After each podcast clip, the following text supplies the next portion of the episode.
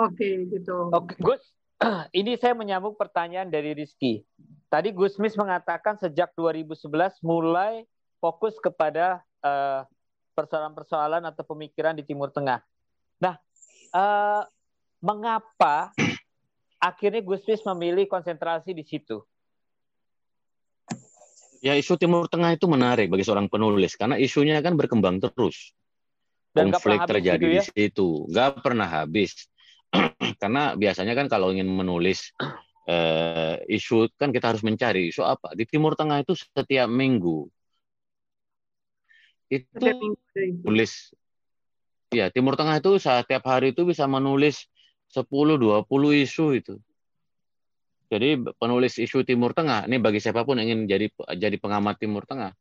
Eh, tapi memang eh, untuk menjadi pengamat Timur Tengah itu harus update karena per, cepat perkembangan isunya itu cepat sekali. Jadi memang eh, itu kelebihan menulis isu Timur Tengah dan saya senang sekali menulis isu Timur Tengah ini untuk kemudian juga ada tujuan yang lain bahwa Indonesia bersyukur loh, harus bersyukur loh Indonesia ini daripada Timur Tengah yang penuh dengan konflik itu. Kita ini ada konflik, ada ria-ria kecil.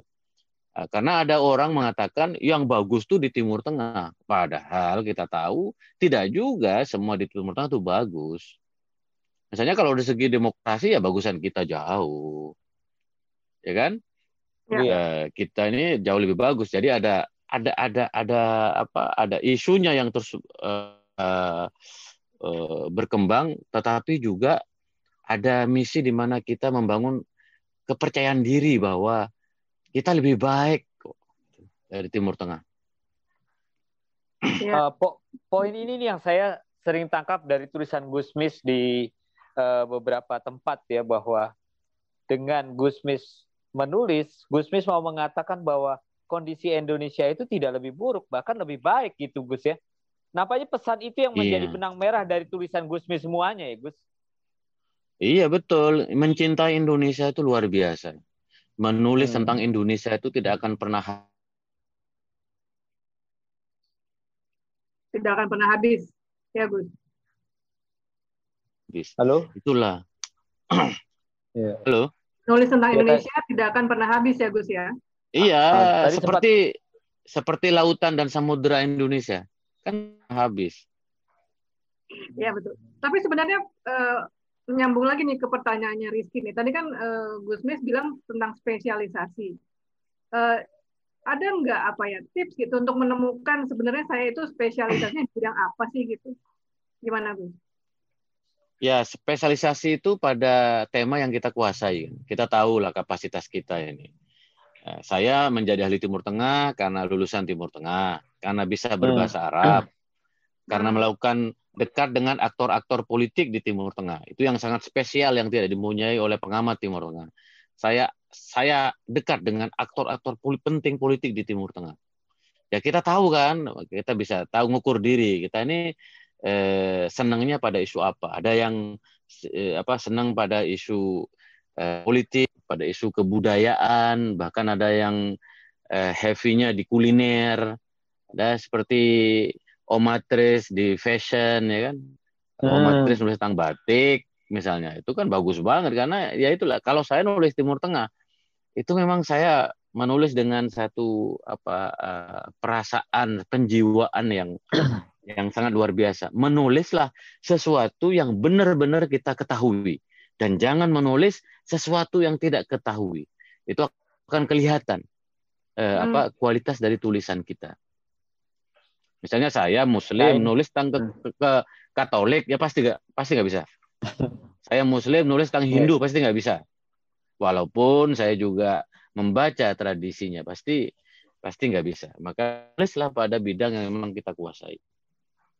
Ya, itu seperti Mas Bobi menjadi spesialis penulis biografi gitu ya. Jadi memang um, minatnya di situ dan passionnya di situ. Begitu iya, kira-kira. Ya, ya. Oke. Okay. Nah, untuk Rizky, untuk Francisca dan uh, para peserta dari seluruh jagat yang mengikuti acara ini, poin tadi yang disampaikan oleh Gusmis itu sangat penting. Hmm. Kuasa uh, Anda menulis apa yang Anda kuasai. Saya sangat yakin kalau misalnya Gusmis diadu dengan Francisca untuk menulis, mungkin lebih baik Francisca. Misalnya menulis tentang SMA-nya Francisca sekarang. Tentu Gusmis kalah sama Francisca kan? Hmm. Ya, ya udah nggak SMA soalnya. Iya, nggak tahu pernah.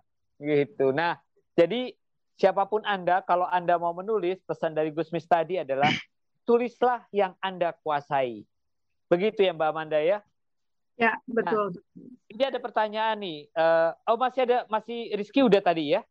Sekarang udah. boleh ke penanya hmm. yang dari uh, Zoom nih Mbak.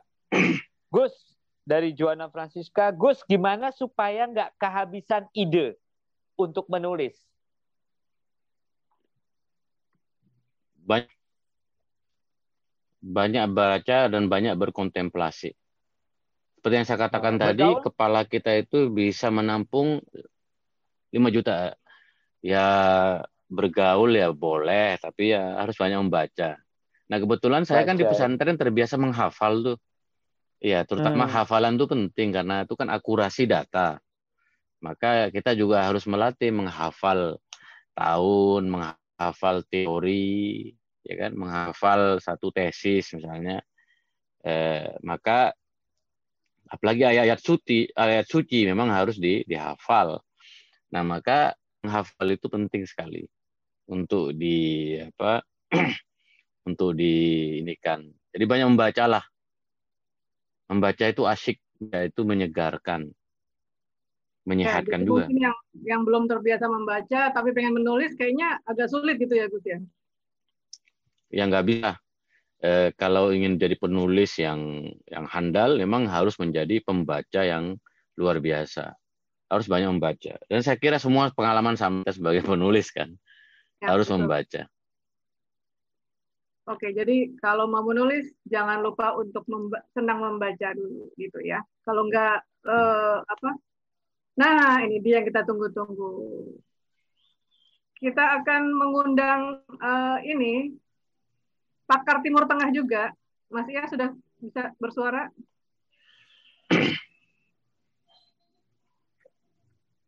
Wah, pakai kopiah dulu dia. Ini salah satu temannya Gusmis juga, uh, seorang uh, ahli masalah Timur Tengah juga, pernah menjadi narasumber di acara ngobrol juga, teman kami juga, senior, yaitu Mas Trias Kuncahyono, kita panggilnya Mas Ias. Silakan Mas Ias. Selamat sore semuanya. Gusmis. Aduh, Mas Trias. Mas Bobi. Terima Mas kasih Bobby. Amanda. Mas Bobi masih di mute ya. Oh ya. Nah, beda uh, baik Mas Trias maupun Gusmis itu sama-sama berasal dari pesantren. Cuman bedanya kalau Mas Trias pesantren Katolik gitu ya. nah, oke, okay, kita mau tanya nih Mas Trias. Bagaimana nah. komentar nah. Mas Trias terhadap uh, karya-karya atau tulisan uh, Gusmis. Yes. Saya baru masuk sudah komentar nih.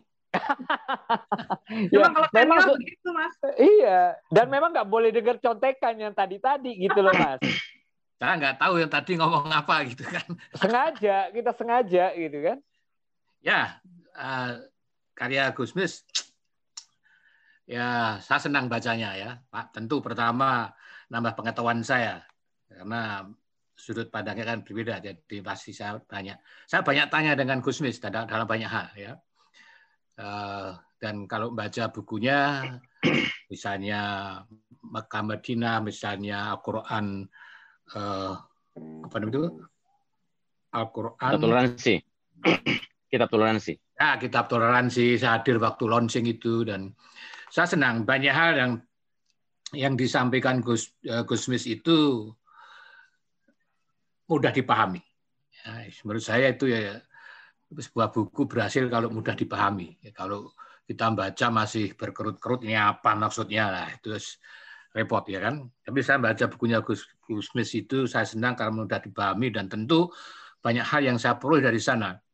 Dalam saya punya semuanya bukunya ya, gratisan, tentu gratisan.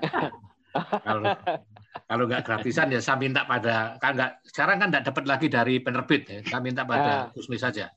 Karena dulu gratisan semuanya jadi saya pasti baca dan sama Gusmis juga baca tulis karya saya pasti dan kami berdua saling lengkapi Ya, saya saya oh. saling melengkapi.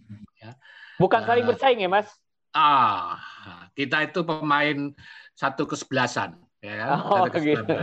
Kalau dari saya menyerangkan eh, kanan, dia kiri. Ya, bolak balik aja, gelandang dan backnya. Jadi saya sama Gus itu saling melengkapi, nggak ada persaingan. Karena buku saya sukses karena Gusmis juga, ya kan? Buku saya uh, mana uh, Yerusalem misalnya, kata pengatnya Gusmis. Ya, oh. Saya sengaja harus harus Gusmis ini harus orang NU ya kan. Jadi wah ini NU ini temannya NU. Jadi teman-teman NU beri, beri semua jadinya. Jadi, Alasan itu ya, iya. Mas ya. Kenapa? Alasan saya itu ya. Saya saya, memanf saya memanfaatkan kepopulerannya Gusmis ya kan? Oh gitu. Saya sudah, ya, ya. sudah, sudah, lama, sudah lama kenal sama Gusmis. Pergi ke ke Iran berdua, ke mana berdua, jadi sudah sudah tahu salahnya masing-masing. Kalau kalau misal, kalau dulu misalnya kerap kali kami diundang bicara untuk Timur Tengah berdua sudah tahu dia ngomong apa, saya ngomong apa, nggak usah janjian, udah masih akan saling ngisi. Jadi nggak pernah nggak pernah tadi di uh, Bobby bilang saingan nggak pernah, mesti saling ngisi. Jadi nggak pernah suatu ketika bulan Ramadan seperti sekarang ini ya diajak Gusmis untuk ngisi uh, apa namanya renungan Ramadan ya di radio waktu itu. Lalu saya ngomong apa? Udahlah ikut ya, ya gitu. Jadi saya diajak Gusmis untuk ngisi uh, renungan Ramadan di radio apa Gus waktu itu Gus? Saya lupa ya di di daerah uh, Kebun Sirih kalau salah ya di daerah sana. Jadi kita bicara soal renungan Ramadan berdua.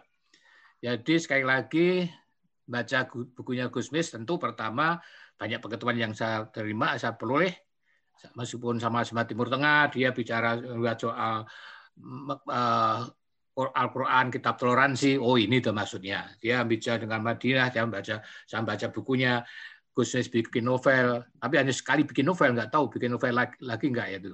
Cuma sekali di Australia itu, ya. Yang setelah itu belum bikin lagi. Udah sekarang sekarang berpolitik terus nggak bikin novel lagi dia. Jadi ya, lupa. Gitu. Tapi ada yang bertanya juga itu ke mana tulisannya selama sebulan ini? Oh, oh sebulan ini uh, Gusmes sibuk sekali. Ya, saya, oh. saya tahu. Saya sendiri nggak bisa ngontak ya. Ngontak setelah jam 12 malam bisanya. Menjelang menjelang subuhan baru bisa ngontak saya.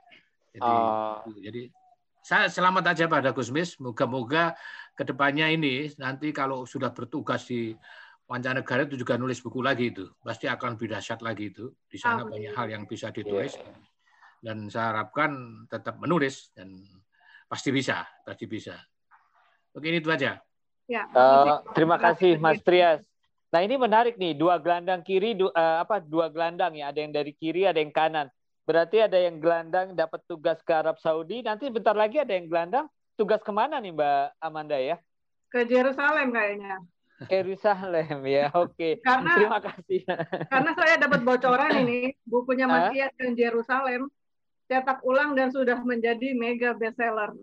Wow, dan ini akan terbit, dan akan terbit buku barunya kredensial 2 nih bocorannya ini. Entah kapan nih kok bocorannya kurang lengkap ini kredensial eh.